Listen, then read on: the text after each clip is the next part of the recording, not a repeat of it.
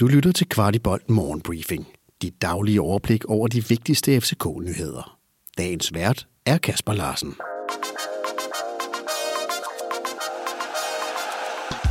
Tirsdag den 13. september. Der har været lidt stille i København siden nederlaget i lørdags, men nu har Jes Torp så sat lidt ord på, hvordan de håndterede nederlaget. Han fortæller ifølge Ritzau, at de allerede ved hjemkomsten til tieren havde holdt et møde, eller rettere sagt, havde Jes fortalt truppen sin uforbeholdende mening om lørdagens kamp. Vi er nødt til at se de problemer i øjnene, vi har, så derfor tog vi allerede fat, da vi kom hjem ved midnat, fortæller Jes Torp. Torp har efterfølgende haft individuelle samtaler med alle i truppen, hvor han har tydeligt gjort, hvad der skal gøres i de forskellige aspekter i kampene. Så er det i morgen onsdag, at vi møder Sevilla i vores første hjemmekamp i Champions League, og i den forbindelse udtaler kaptajn Carlos Sækker til FC København, at alle har et ansvar for resultaterne, også dem, der ikke spiller, samt dem, der er omkring holdet. Sækker holder fokus på, at de skal stå sammen, da det kræver en enorm indsats at spille kampen mod Sevilla frem mod det ønskede resultat, vi alle håber på. Sækker fortæller, at han satser på at være en større del af kampen i den kommende tid, da det går langt bedre med hans knæ. Dessert, der jo tidligere på sommeren var en tur i Tivoli med FCK-ledelsen, har jo fundet som bekendt en ny klub, nemlig Cremonese. Nu fortæller hans agent, hvorfor valget faldt på Cremonese og ikke FC København. Han forklarer til Sportsa, at Dessert havde opnået at blive topscorer i Conference League, lavet mange mål i ligaer uden for top 5 ligaerne, men at han derfor også havde et brændende ønske om at prøve sig af på øverste hylde rent ligamæssigt. Indtil videre er Dessert dog ikke kommet på tavlen for sin nye klub. Robert Modraccia fik forleden ophævet sin kontrakt med FC København, men siden har midtbanespilleren været ude og takke sin nu gamle klub for tiden. Mudri skriver, at han gerne vil takke FC København og Ståle Solbakken for tiden hos os.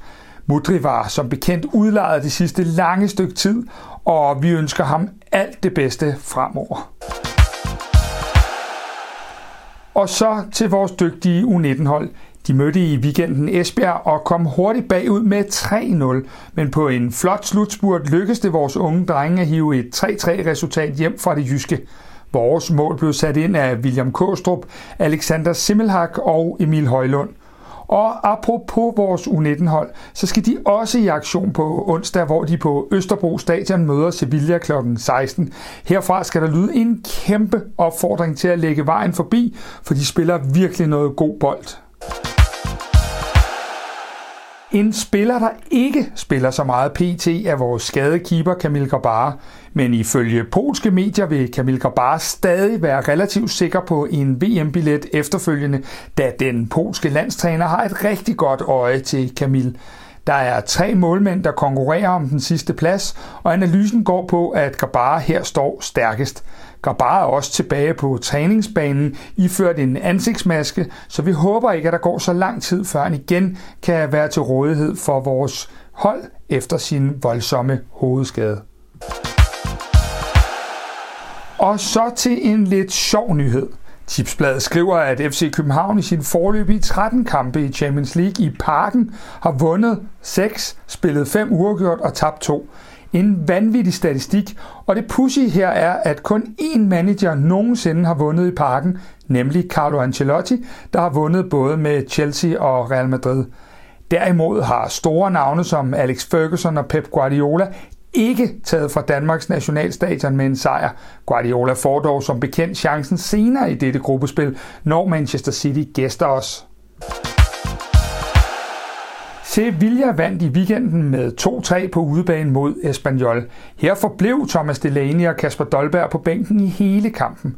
En kamp, hvor Sevilla kom foran 0-3, inden der pludselig blev spænding, da Espanyol kom på 2-3, men altså ikke formåede at få point.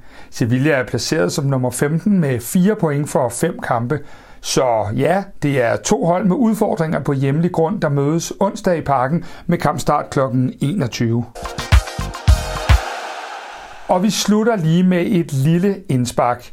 Det er i situationer som dem, vi står i lige nu, at vi har muligheden for at vælge den forskel, vi kan være for vores hold. Så her fra redaktionen er der kun at sige, at vi glæder os helt enormt til kampen og til at se, ja, vores FC København i Champions League. Du har lyttet til Kvartibolt Morgenbriefing. Vi er tilbage igen i morgen tidlig med byens bedste overblik over FCK-nyheder. Vi er meget interesserede i at vide, hvad du synes om vores morgenbriefing, og hvad vi kan gøre for at gøre den endnu bedre. Brug et par minutter på at give os feedback. Der ligger et link i shownoterne til et spørgeskema. Den her udsendelse kan kun blive til, fordi en del af vores lyttere støtter os med et lille måligt beløb. Vil du også støtte Kvartibold, så vi kan lave endnu mere kvalitetsindhold om FC København, så ligger der et link i shownoterne.